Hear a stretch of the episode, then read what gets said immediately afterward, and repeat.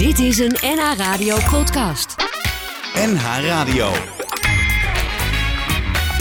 Waarheen, waarvoor?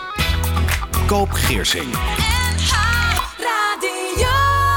Volgens ouders zijn de tien belangrijkste doelen in de opvoeding: verantwoordelijkheidsgevoel hebben, opkomen voor jezelf, rekening houden met anderen, goede manieren hebben, zelfstandig oordelen, eigen doelen nastreven, verdraagzaam zijn, goede schoolresultaten hebben en ijverig en ambitieus zijn. Welkom Daniela Koele. Dank je. Wat zijn jouw belangrijkste doelen in de opvoeding van jouw 18-jarige zoon Goran? Dat hij vol zelfvertrouwen is en zich geliefd voelt in het leven. Geliefd ook. Ja. Waarom is dat zo belangrijk voor je? Nou, ze zeggen wel eens dat je ehm, het soms anders wilt doen dan je eigen ouders het deden. Of een tegenhanger daarvan bent. En misschien ook wel juist je eigen weg daarin kan zoeken. En dat heb ik wel geprobeerd. En ik denk dat liefde het allerbelangrijkste is in het leven. Dus ik wil heel graag dat mijn zoon zich uh, geliefd voelt. Niet alleen door mij, maar ook door anderen. Een bijzonder doel inderdaad. En doe jij het anders dan je ouders? Uh, voor mijn gevoel wel, ja. Maar dan is er ook andere kennis natuurlijk nu inmiddels. Begrijp ik. Ben je er tevreden over? Ontwikkelt hij zich leuk? Goran is een topkind. Maar ik weet niet of hij dat aan mij te danken heeft. Mijn gast in deze aflevering van Waarheen Waarvoor is 48 jaar, journalist, moeder van een zoon van 18, mindfulness kindertrainer, oprichter van Conscious Discipline Nederland, opvoedcoach en ze heeft diverse passies. Voor schrijven, kinderen, dieren, haar Duitse herder Zenda en golden retriever Jivan. Danielle, niet alleen heb jij een mooie naam, maar jouw honden heten ook fantastisch. Hè? Zenda en Jivan. Ja. Zit er een betekenis aan vast? Ja, Jivan uh, betekent uh, het leven in het Nepalees. Tuurlijk. Ik ben een paar keer in Nepal geweest. Oké. Okay.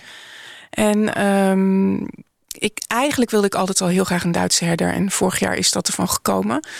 En toen zocht ik een hele mooie Franse meisjesnaam. En toen ik ging googlen kwam ik Zenda tegen. en um, dat betekent beeldschoon. En ik heb wel eens ja. gezegd, als ik een Duitse herder krijg... dan ga ik de hele dag naar hem kijken. En, uh, dat doe je ook? Nou, ik heb dat één keer gedaan. Iemand zei, heb je dat al een keer gedaan? Toen dacht ik, ja, ga ik vandaag doen. Oké. Okay. Mooi. Je bent oprichter van Conscious Discipline Nederland. Uh, als je het vertaalt, Conscious Discipline, zou ik zeggen bewuste discipline of zoiets. Wat is het? Kunstdiscipline is een uh, sociaal-emotioneel programma voor kinderen, ouders en leerkrachten. Eigenlijk voor iedereen die met kinderen werkt. Mm -hmm. En het geeft je dus uh, handvaten in je opvoeding om um, ja, eigenlijk bijna elke situatie die zich uh, voordoet op een um, emotioneel intelligente manier op te lossen. Heel vaak denk je van, uh, wat moet ik nu doen? Of hoe kan ik... Uh... Noem eens een voorbeeld dan. Nou, bijvoorbeeld um, als je kind heel erg boos is en je wordt uitgescholden... dan um, zou je terug kunnen reageren met agressie. Of meestal roept dat in jezelf ook boosheid op. En voor je het weet zit je in een machtsstrijd. Het kan heel snel gebeuren. Binnen een paar seconden heb je dat wel voor elkaar met uh, een tweejarige of een puber of een vierjarige. En um, als je dan zegt van jeetje, je lijkt me zo boos, er moet vast iets gebeurd zijn. Dan is dat een heel andere reactie dan dat je eigenlijk al normaal zou geven. Waardoor een kind zich zo gezien en begrepen voelt. Dat um, ja, die emotie zich om kan draaien. En eigenlijk problemen als sneeuw voor de zon verdwijnen. Meestal geloven mensen het niet, maar als ze in de cursus zitten, dan zeggen ze: Nou, ik wist niet dat het zo makkelijk kon zijn. Want dat is het. Dat is het, ja. Nou, er is één dingetje niet zo gemakkelijk. En dat is dat je eerst zelf kalm moet worden. voordat je je mond open doet. En dat is eigenlijk het moeilijkste. Maar op zich is dat ook vrij gemakkelijk te bereiken. Als je drie diepe ademhalingen neemt achter elkaar. dan kalmeer je je lichaam. Je kalmeert je geest. Waardoor je zelf eigenlijk in dat gedeelte van je brein bent. Uh, zodat je rustig kan reageren en bewust. Dat werkt dus echt? Dat werkt echt, ja. ja. Waarom vind je conscious discipline zo belangrijk? Ik vind het heel belangrijk dat elk kind zich um, gezien en gehoord voelt. En zich ook begrepen voelt. Waardoor het um, ja, eigenlijk een, een gezond zelfvertrouwen kan ontwikkelen en ook eigenwaarde. En ik denk dat als we dat uh, meekrijgen van onze omgeving, dat we dan een hele andere generatie krijgen die. Um, nou, wat ik net zei, bewust kan reageren. En ook veel respectvoller en um, ja, liefdevoller, maar ook uh, meer, ja, meer vrediger. Dus uh, mensen zijn dan wat vriendelijker en wat meer behulpzaam. In plaats van dat we elkaar maar de hele tijd beoordelen mm -hmm. en uh, ja, uitlokken tot boosheid. Ja. Je houdt van kinderen, hè? Dat, dat heb ik al laten weten. Dieren, je bent opvoedcoach. En mindfulness kindertrainer, dat heeft daar natuurlijk allemaal, is allemaal in het verlengde daarvan. Hoe ben jij in Nederland met dat conscious discipline begonnen? Want het is een Amerikaanse methode, begrijp ik. Ja, ik ben toen ik uh, ja, een paar jaar gescheiden was, een jaartje of twee denk ik, naar Amerika gegaan. Met mijn zoon en een goede vriend van mij. En zijn familie uh, woont in Amerika. En daar zijn we bij een huis geweest. En de dame des huizes bleek de eerste leerlingen van Dr. Becky Bailey... die dit programma heeft ontwikkeld. En eigenlijk uh, kwam ik daar in een periode dat ik me heel machteloos voelde... onzeker, verdrietig na mijn scheiding. Ik dacht van ja, doe ik dat eigenlijk allemaal wel goed? En geef ik mijn zoon niet te veel verdriet mee? Had ik niet een gezin bij elkaar moeten houden? Dat, ik vond dat heel erg. Schuldgevoel? Uh, ik had niet zozeer schuldgevoel, maar wel een machteloosheid. Dat het niet anders was gelopen. Dus ja, eigenlijk dat de wereld niet ging zoals ik uh, had gehoopt of zoals ik wilde. En um, op de tweede dag uh, kreeg Goran uh, een enorme driftbui. Want alles veranderde natuurlijk met de minuut. We zouden gaan barbecuen. En dat ging niet door. En dat oh ja. was verschrikkelijk natuurlijk. Het lijkt mij ook. Als je zes bent is dat ja, zo'n beetje het ergste wat er kan gebeuren.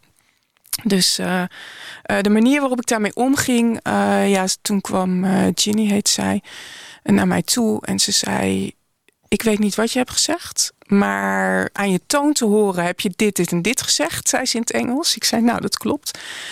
En dat probeer ik al jaren aan ouders te leren. En jij doet dat gewoon van nature. Dus je bent een goede moeder. Wauw. En dat waren echt, ja, op dat moment leek het alsof mijn hele leven veranderde... En ik, ik twijfelde zo erg aan mezelf. En ik dacht, nou, ik ben gewoon een goede moeder, zegt iemand die er had verstand van heeft. Had je dat zo nodig op dat moment? Ja, dat had ik denk ik heel erg nodig. En um, ik, ik had me daar wel vaker over verbaasd. Over de opmerkingen die je krijgt als je uh, een baby hebt. Of mm -hmm. als je jonge kinderen hebt. Heel veel mensen bemoeien zich daarmee tussen haakjes. Uh, en dat is eigenlijk in Nederland natuurlijk not done. En nu bleek uit wetenschappelijk onderzoek dat ik toch eigenlijk heel goed bezig was om een kind emotioneel intelligent in die wereld te zetten. Zodat hij zich dus wel vol zelfvertrouwen kon ontwikkelen. Ja. En uh, wel een goede eigenwaarde had. Zodat hij in staat was om ja, toch zelf problemen op te lossen en zijn gevoelens te ervaren. Ja, dat was voor mij heel belangrijk. Toen was hij zes, hij is nu 18. Merk jij het resultaat van die methode? Want ja, ik merk zeker bent daar het dus resultaat. blijkbaar heel natuurlijk mee bezig. Want het komt uit jouzelf. Maar je ziet dat. Ja, ja, ja, ja. Ja, ja ik denk dat Goran veel um, slimmer en wijzer is dan ik. Weet je, je neemt allemaal boodschappen uit je jeugd mee. Mm -hmm. Die worden in je brein op een soort harde schijf gezet... van waaruit je telkens weer reageert. Ja. Bijvoorbeeld, uh, ik ben niks waard of ik ben niet goed genoeg... of stel je niet aan of ik kan toch geen wiskunde. Mm -hmm. En dat wordt een soort innerlijke stem... En ik zie bij Goran dat hij dat heel anders heeft. Als iemand boos op hem is, dan, dan is het per definitie dat hij zegt... oh, nou, die heeft zeker ruzie gehad of zo. Of, uh, nou, dat is jammer dat hij, hij zich, dat, dat hij zich niet praktijk, zo lekker voelt. Ja, nou, hij, hij voelt zich dan niet persoonlijk aangevallen. Nee. Terwijl als iemand boos wordt op mij, dan denk ik, hoezo heb ik iets verkeerd gedaan of zo? Ja. Dus dat is, dat is een, de eerste reactie. Dat is mijn eerste reactie. Ja. Dus je eerste onbewuste reactie ja, wordt wel degelijk uh, in je jeugd uh, gelegd. Ja, ja. Toen ik eerst las over uh, het programma, dacht ik... het is een programma voor ouders om meer grip te krijgen voor hun kinderen, op hun kinderen, hè, op de opvoeding. Maar ik begrijp dus ook dat het echt heel goed voor de kinderen zelf is. Dat ze zich veel meer gewaardeerd en gerespecteerd voelen. Ja, en sterker nog, er zijn ook mensen die bij mij in de training zitten... en die zeggen, ik heb er meer aan gehad in de relatie met mijn partner... dan uh, dat, in de relatie met mijn kind. Ja, ja. Nou. Ik heb jou gevraagd om drie liedjes mee te nemen... die op jouw eigen uitvaart misschien wel gehoord moeten worden. Het kan best zijn dat die lijst volgende week weer anders is. Maar je hebt toch je best gedaan en je hebt drie liedjes eh, bij elkaar gevonden. Ehm, was het moeilijk om die drie liedjes uit te zoeken?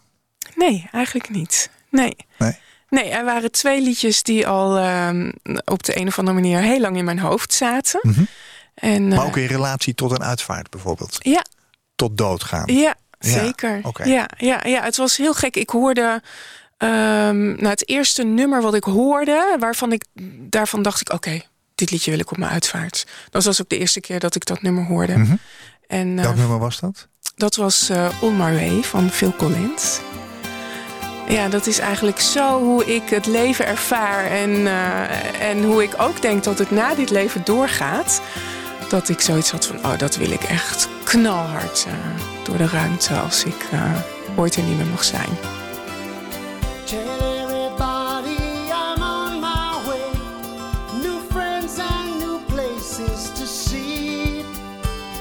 With blue skies ahead, yes,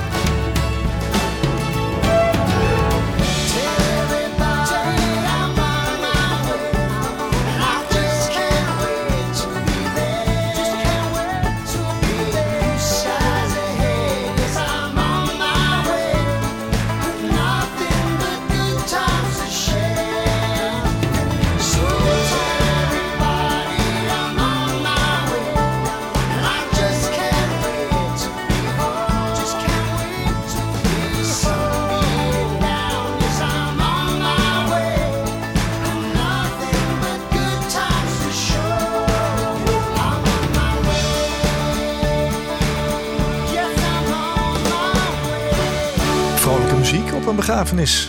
Wim Vrolijk? Nou, dat is hij toch? Ja, ik vind het wel een vrolijk nummer. Maar de tekst, eh, ja, de- ik word daar ook heel blij van. Waar gaat de tekst over wat jou betreft? Nou, de tekst gaat voor mij heel erg over eh, ja, dat je altijd onderweg bent.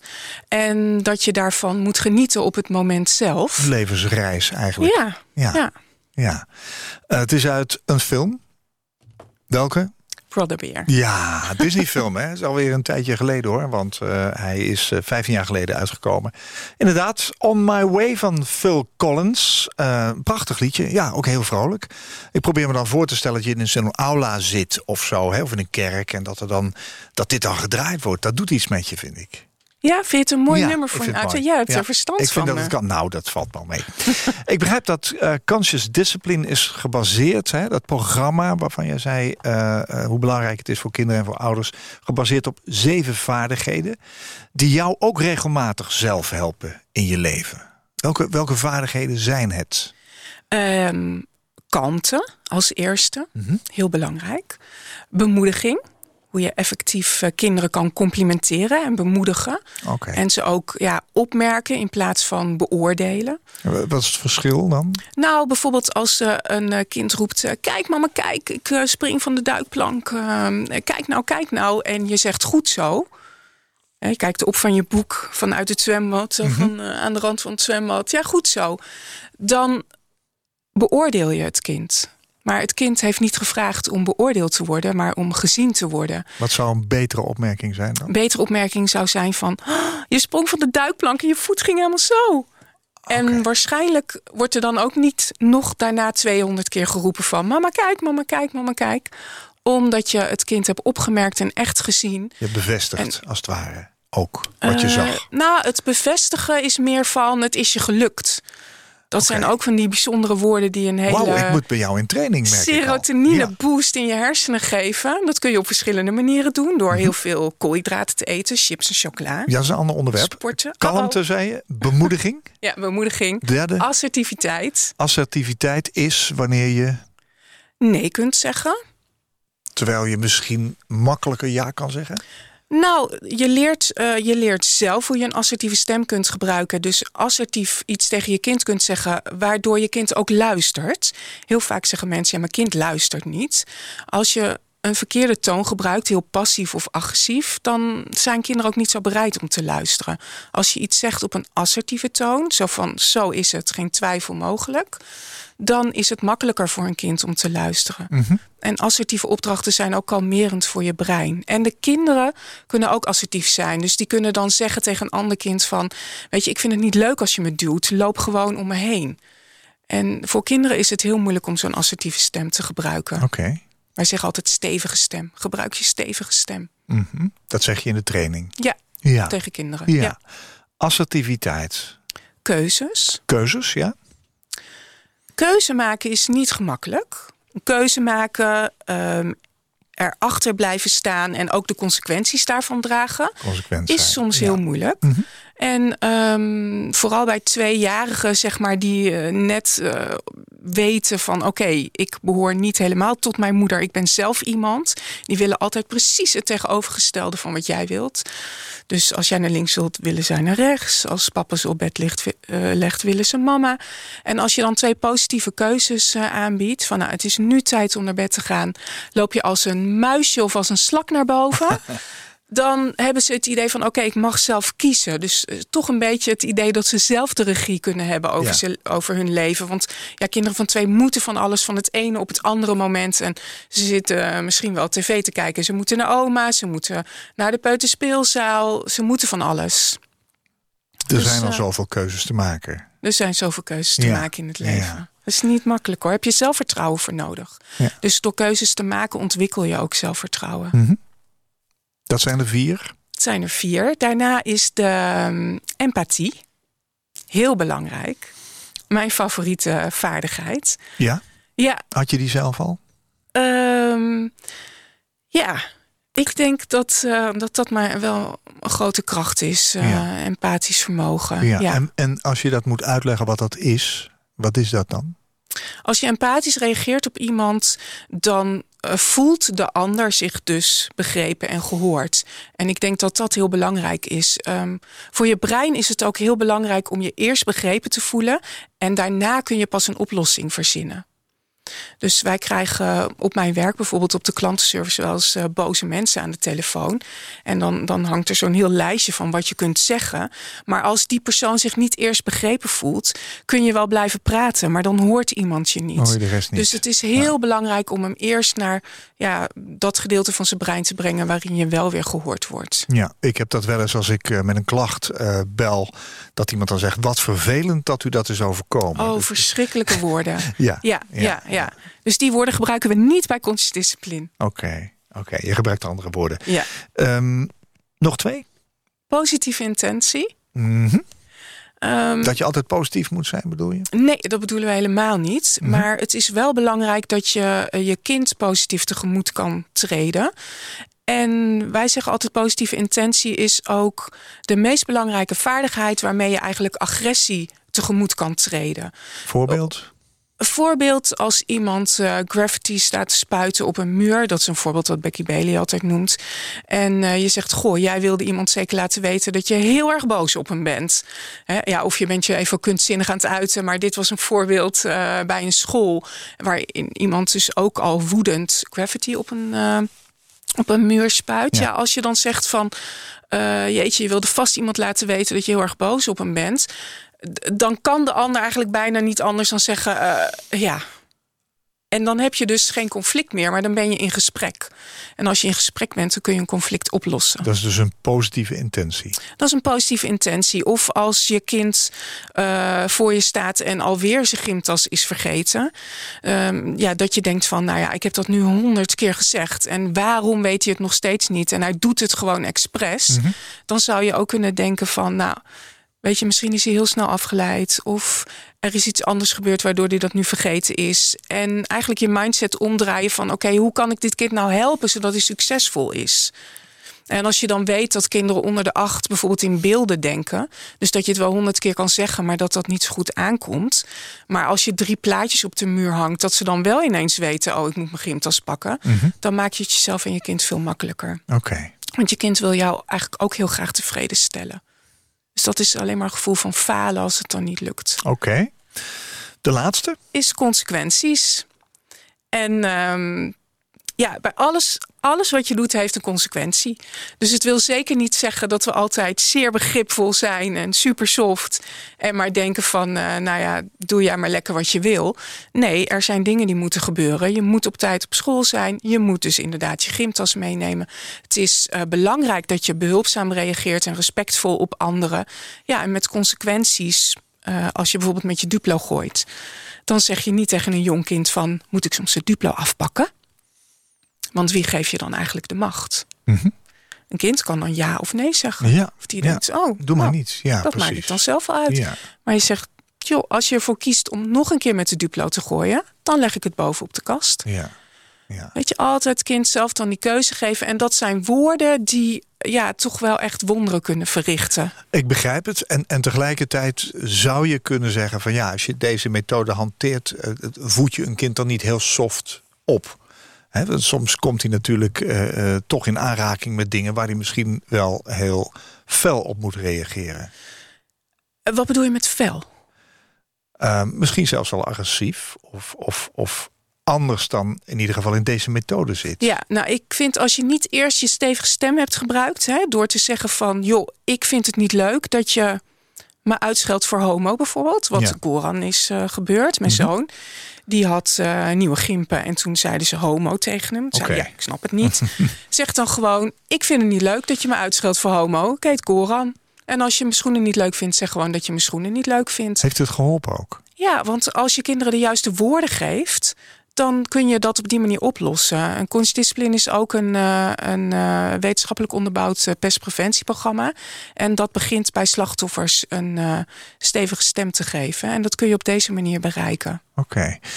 Hoe kun je de vaardigheden aanleren? Moet het, moet het iets van jezelf gaan worden? Of eh, ik kan me voorstellen dat er misschien onderdelen in zitten waar je geen aanleg voor hebt, of die, die bij jou ook altijd zelf moeilijk hebben gewerkt. Ik begrijp dat jij nog wel wat moest leren op het gebied van assertiviteit bijvoorbeeld.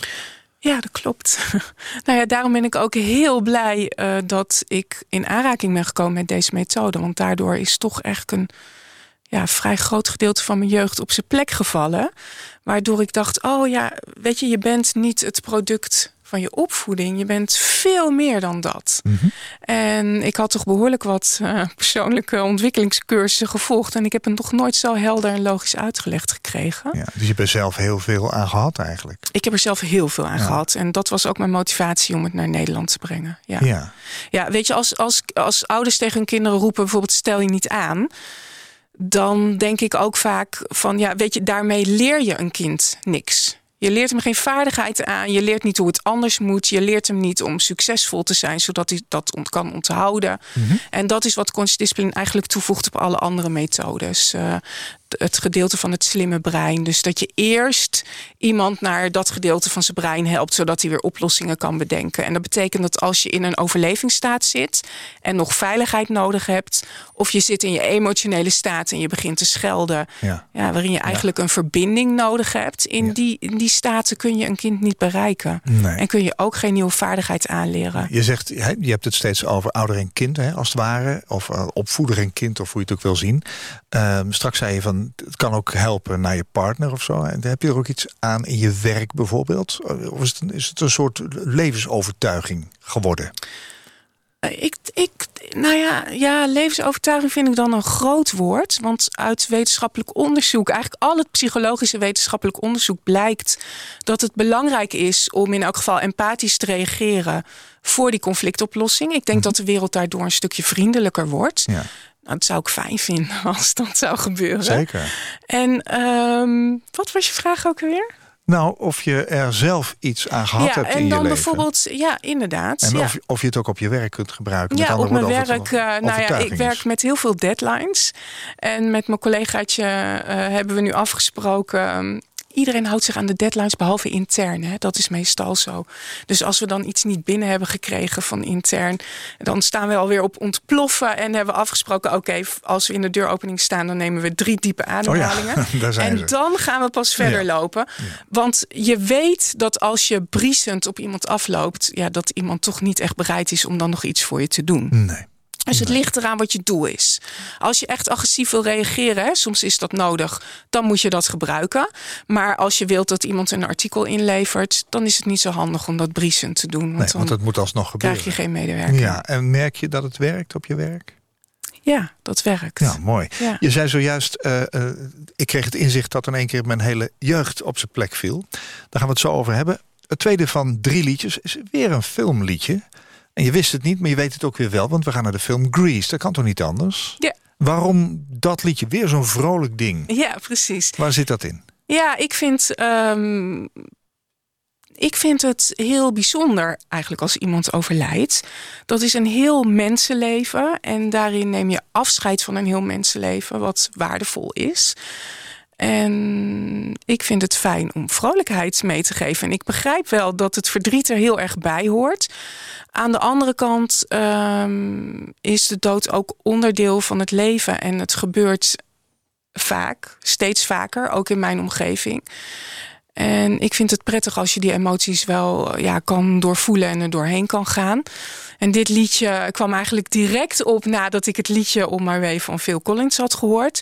Toen dacht ik, nou, dan moet ik eigenlijk ook een liedje hebben voor al die mannen waar ik relaties mee heb gehad. Oké. Okay. En er kwam meteen dit liedje in mijn hoofd. En dat is eigenlijk nooit meer weggegaan. Dus dat heb ik al een tijdje. Er kwamen nog meer relaties bij. Ik denk, ja, het blijft toch mijn liedje voor, uh, ja, voor de man in mijn leven. De bijzondere man in mijn leven.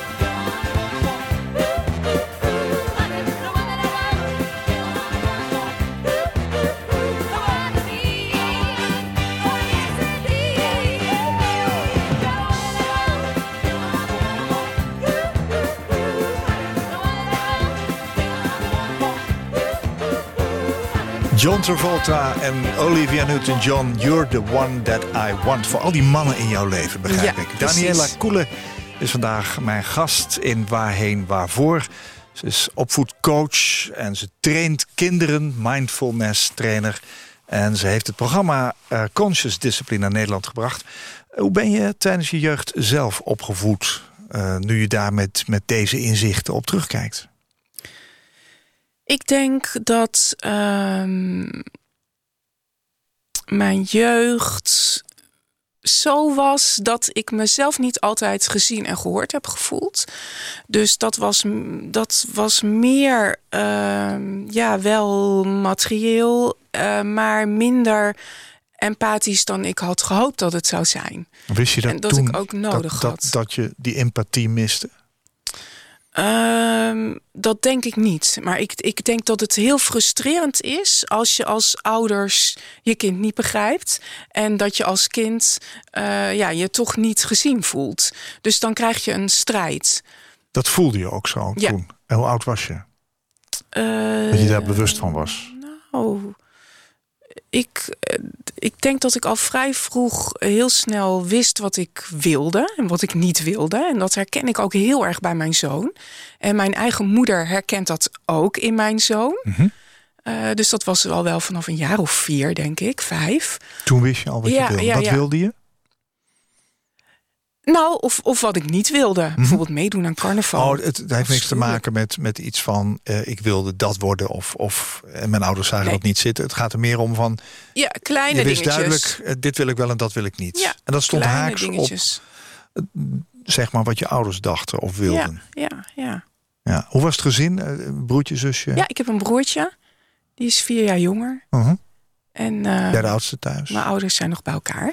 Ja. Dat vind ik ook altijd heel bijzonder. ja, hoe is je relatie met je ouders? Mijn relatie is nu ehm, goed. Was die niet goed? Hij was minder goed. En ik denk dat we dichter bij elkaar zijn gekomen door de geboorte van mijn zoon. Dus dat is, eh, ja, dat is dan altijd toch bijzonder. En je ziet ook wel dat patronen zich dan eh, herhalen. Hè? Dat iemand toch een bepaalde overlevingsstrategie heeft. Eh, mijn moeder, mijn vader en ik ook. En dat dat dan ook opvalt, dat dat tot uiting komt in, in Goran. Dus Goran lijkt daarin heel erg op mij. Die heeft alles al geregeld nog voordat je met je ogen kan knipperen. En wat bedoel je met overlevingsstrategie? Nou, dat je niet over alles kan of wil of durft te praten. En ik wil dat altijd wel graag. Ik breek dat dan open. En, Ja. Maar heel, ja, soms willen mensen dat niet. En mijn ouders willen dat niet. Dan, dan is het moeilijker om over gevoelens te praten. Dus dan is het heel vervelend als iemand daar telkens ja, toch eh, dat wil of, eh, of dat wel spiegelt. En iemand volkomen dicht slaat.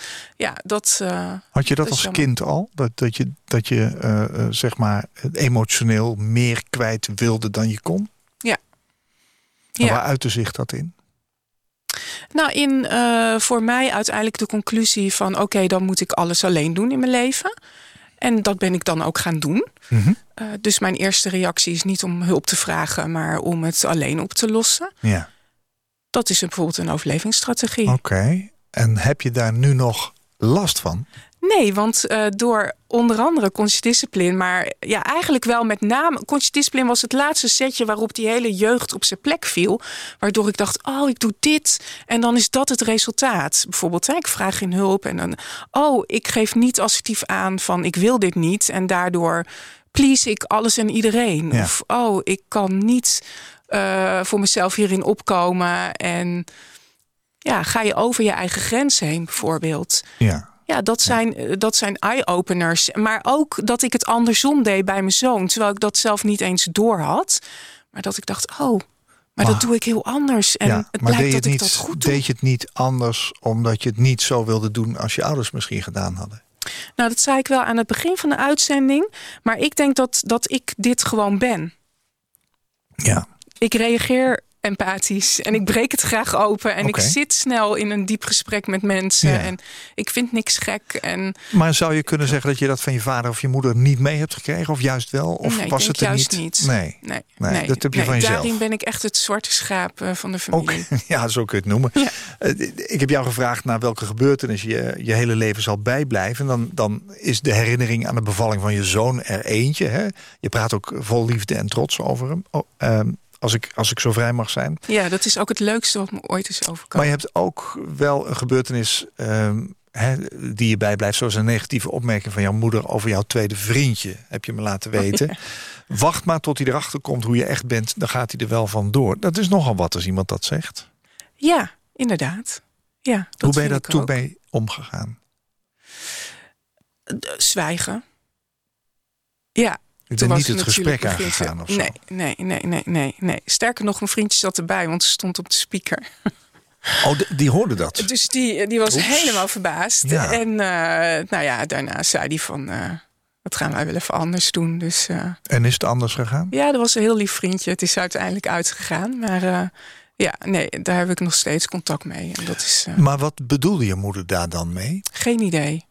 Wat, wat zat er dan in jou waarom een vriendje eventueel zou weglopen? Of was dat haar manier om hem weg te krijgen? Ik heb geen idee. Misschien eh, wat ik eruit heb gehaald of wat ik dan voel is van oké, ja, ik doe er misschien niet toe of Nee. ik ben het niet waard. En ik weet dat heel veel kinderen, maar ook heel veel volwassenen dat gevoel hebben. Heel Ja. veel pubers ook.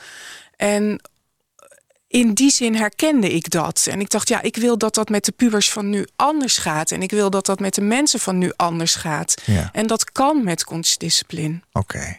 Je hebt er zelf heel wat aan gehad in je leven, dat is wel duidelijk. Jouw zoon eh, eh, lijkt ook zich heel goed te ontwikkelen. Dus dat komt mede door de manier waarop jij waarschijnlijk met hem omgegaan bent. En waarop dat ook dat zaadje weer in hem geplant is. Ehm, hebben jullie het wel eens over dit programma samen met je zoon? Zeker. Ja? Ja, ja, ja. ja, Ja? ja. Wat wil hij gaan doen? Want hij is nou 18. Hij wil iets heel anders gaan doen. Nou, ik heb een grote passie voor de natuur en die deel ik eh, wel met mijn zoon. Dus Mhm. Heeft Goran hij wil ook. heel graag eh, moleculaire biologie gaan studeren. Was ook het eerste wat in me opkwam, eerlijk gezegd. On My Way hebben we gehoord van Phil Collins. You're the One That I Want van John Travolta en Olivia Newton-John. Maar nu gaan we naar Katy Perry. Waarom? Dat eh, sluit hier eh, mooi bij aan, inderdaad. Omdat, ehm, nou, dat is het lied wat mij vaak hoop geeft op het moment dat ik een tegenslag heb of ehm, veel verdriet heb. Want eh, dat heb je ook. Ja, dat heb ik zeker. Ja, zeker ook. Ja. Ja, en dan vind ik het mooi om, ja, om te zien dat iemand zegt van, weet je, ehm, je doet er wel toe. Het is belangrijk dat je je talenten hè, aan de wereld eh, geeft en dat je die deelt. En daarvan word je zelf ook blij. Heel veel pubers hebben het gevoel van, ja, ik, eh, weet je, wat, wat maak ik voor verschil en een soort zinloosheid. Ja, ik denk dat dat in het liedje mooi tot uiting komt. eh, van, ja, je bent niet waardeloos. Er is er maar één zoals jij. Jij kunt, ehm, ja, je vuurwerk, hè, want het heet natuurlijk firework, zo eh, ja, laten knallen dat je wel degelijk eh, eh, ertoe doet. Do you ever feel like a plastic bag drifting through the wind, wanting to start again? Do you ever feel feel so paper thin, like a house of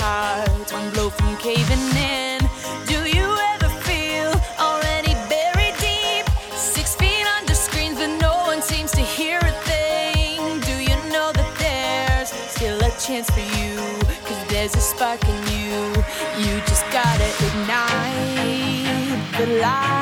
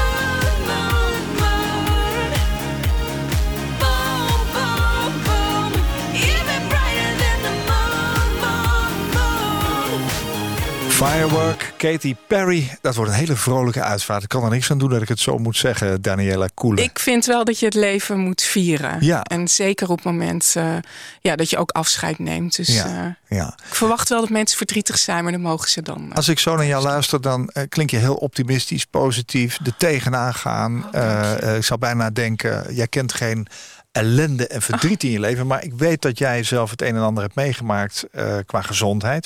Je hebt officieel een diagnose chronische vermoeidheid, hè, ME. Jouw spieren verzuren heel snel bij inspanning. Ook omdat je hart niet goed werkt, blijkbaar.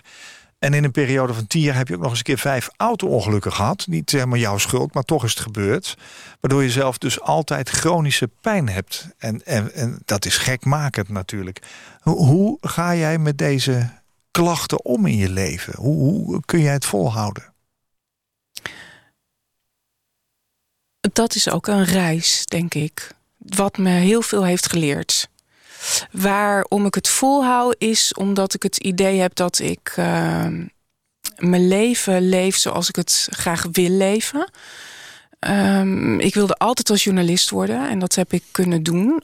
Ook op het moment dat ik niet meer kon typen, heb ik toch iemand ingeschakeld dat ik zei van oké, ik zeg het en wil jij het dan typen? En dan was het maar een uurtje en dan ging ze weer naar huis en dan kwam ze smiddags weer terug en dan ging ik weer een uurtje, zei ik het. En het was natuurlijk heel frustrerend, maar dan wilde ik toch één artikel geschreven hebben. En dat lukte ook op die manier. En heel belangrijk zijn mijn vrienden en vriendinnen daarin geweest, die me eh, daar doorheen slepen. En ik heb ook heel erg geleerd, ook door de mindfulness, om er ja, te laten zijn wat er is. En dat om, om te stoppen met vechten. Ik heb er heel lang tegen gevochten, maar om te stoppen met vechten eh, heeft mij het aller, allermeeste opgeleverd. En vooral innerlijke rust. En het afgelopen jaar is dat nog heel erg eh, versterkt, die innerlijke rust. Ik ben heel blij dat Goran 18 is. En eh, ja, dat hij zo volwassen is dat hij zelf het leven kan leven. Hè? Want ja, hij is volwassen. En ik ben ook heel blij dat ik hem heb gekregen. Dus als ik me richt op de dingen waar ik echt blij van word, dan, dan helpt me dat daarbij. Maar ik moet je eerlijk bekennen dat de chronische pijn inderdaad uh, gekmakend is. En dat is ook wel waarom ik zeg van. Ja, ik, ik heb ook een heel mooi leven gehad. Ik heb heel veel mooie dingen gedaan. En dit is een grote ja, domper, want je wil eigenlijk altijd meer. dan dat je kunt. De domper is die, is die pijn die je de altijd domper voelt. is de pijn. Ja, Ja. ja, ja, ja. Ja. En toch heb je een soort vechtlust voor het leven. Je zegt eh, stoppen met vechten, dat is zo fijn. Maar tegelijkertijd merk ik dat je in alles wat je doet toch vooruit wil. Er toch iets van wil maken. Ja, en soms verbaas ik daarmee mezelf. Dan heb ik alweer iets gedaan. Ja. Ja, ja waar- waar- waarvan ik dacht, oh, oké. Maar ik merk dat ik, eh, en, en dat is ook heel erg veranderd. Ik merk dat ik snel in oplossingen denk en dat dan ook doe. Maar het is soms ook goed om de gevoelens er even te laten zijn. Ja. En vroeger kon ik daar nog wel eens overheen walsen. En nu denk ik, oh nee, wacht, ik ben verdrietig. Ik heb eerst troost nodig en daarna gaan we het pas oplossen. Even de regels. Ook even, Ja. even, even analytisch, analytisch Ik neem aan dat je in de gaan. opvoeding van eh, je zoon ook wel eens een keertje gewoon geschreeuwd hebt of boos bent geweest. Oh ja, zeker. Ja, ja. Ja, en wat zegt hij dan? Ja, hij, eh, ik heb wel eens geschreeuwd eh, toen hij 's ochtends zijn bed niet uit wilde komen. En toen kwam hij zo met zijn hoofd onder de dekens vandaan. En zei hij... Oh, ik dacht dat je dat wel even op de conscious discipline manier zou doen. Dat is ook wel een mooie eigenlijk. Wat zou je nog willen bereiken op dit moment? Je bent nu 48. Ik wil, eh, ik wil bereiken dat ik lekker met de stroom mee kan gaan. Go, with, the flow. Ja. En ik merk dat als ik dat doe, dat heb ik het afgelopen jaar heel erg gedaan. Eh, ik heb een eh, nou, grote move gemaakt door te verhuizen naar Schiermonnikoog. Doe maar. Ja. En ehm, heel veel negatieve reacties op gekregen. En heel veel oordelen van mensen. En ja, als ik daar loop, weet je, ik weet niet of je dat kent, die momenten van geluk, dat je dan doorstroomd wordt, heb ik wel vaak als ik midden in de natuur zit. Ja, die heb ik daar bijna continu. Dus dat, eh, voor mij is dat heerlijk. En dan zeggen ze, oh, je moet twee uur in de auto zitten. En denk ik, oh, heerlijk mijn podcast luisteren. Ja. En eh, lekker de rust in rijden. En eh, ja, dus dat, ik, ik wil wel leren om met de stroom mee te gaan. En mijn zoon zei dat eigenlijk al na mijn scheiding. Toen was ik heel verdrietig. Dat was eigenlijk een week. we zaten de, we zaten er middenin. Toen gingen we samen naar het zwembad. En ik zat me zo in die stroomversnelling een beetje tegen te houden. En op Goran te letten. En zei die mama, ga nou gewoon eens met de stroom mee. Toen dacht ik, ja, dat heb ik eigenlijk nu pas geleerd. Mooi. Danielle Koele was mijn gast in deze aflevering van Waarheen Waarvoor. Journalist, moeder, mindfulness, kindertrainer, opvoedcoach en oprichter van Conscious Discipline Nederland. En ze heeft daarin haar eigen kracht ontdekt en na twijfel aan zichzelf en commentaar van anderen op haar opvoedstijl bleek ineens dat Daniela volgens de wetenschap heel goed bezig was. En toen dacht ze, zie je wel, ik ben niet gek, ik ben wel wat waard, ik doe er wel toe. En ik heb het wel goed gezien en goed gevoeld. En zo viel haar hele jeugd op zijn plek. Daniela, dank dat je je verhaal met ons wilde delen. Heel veel geluk en mooie momenten op Schiermonnikoog. Dankjewel. Dank je wel. Koop Geersing.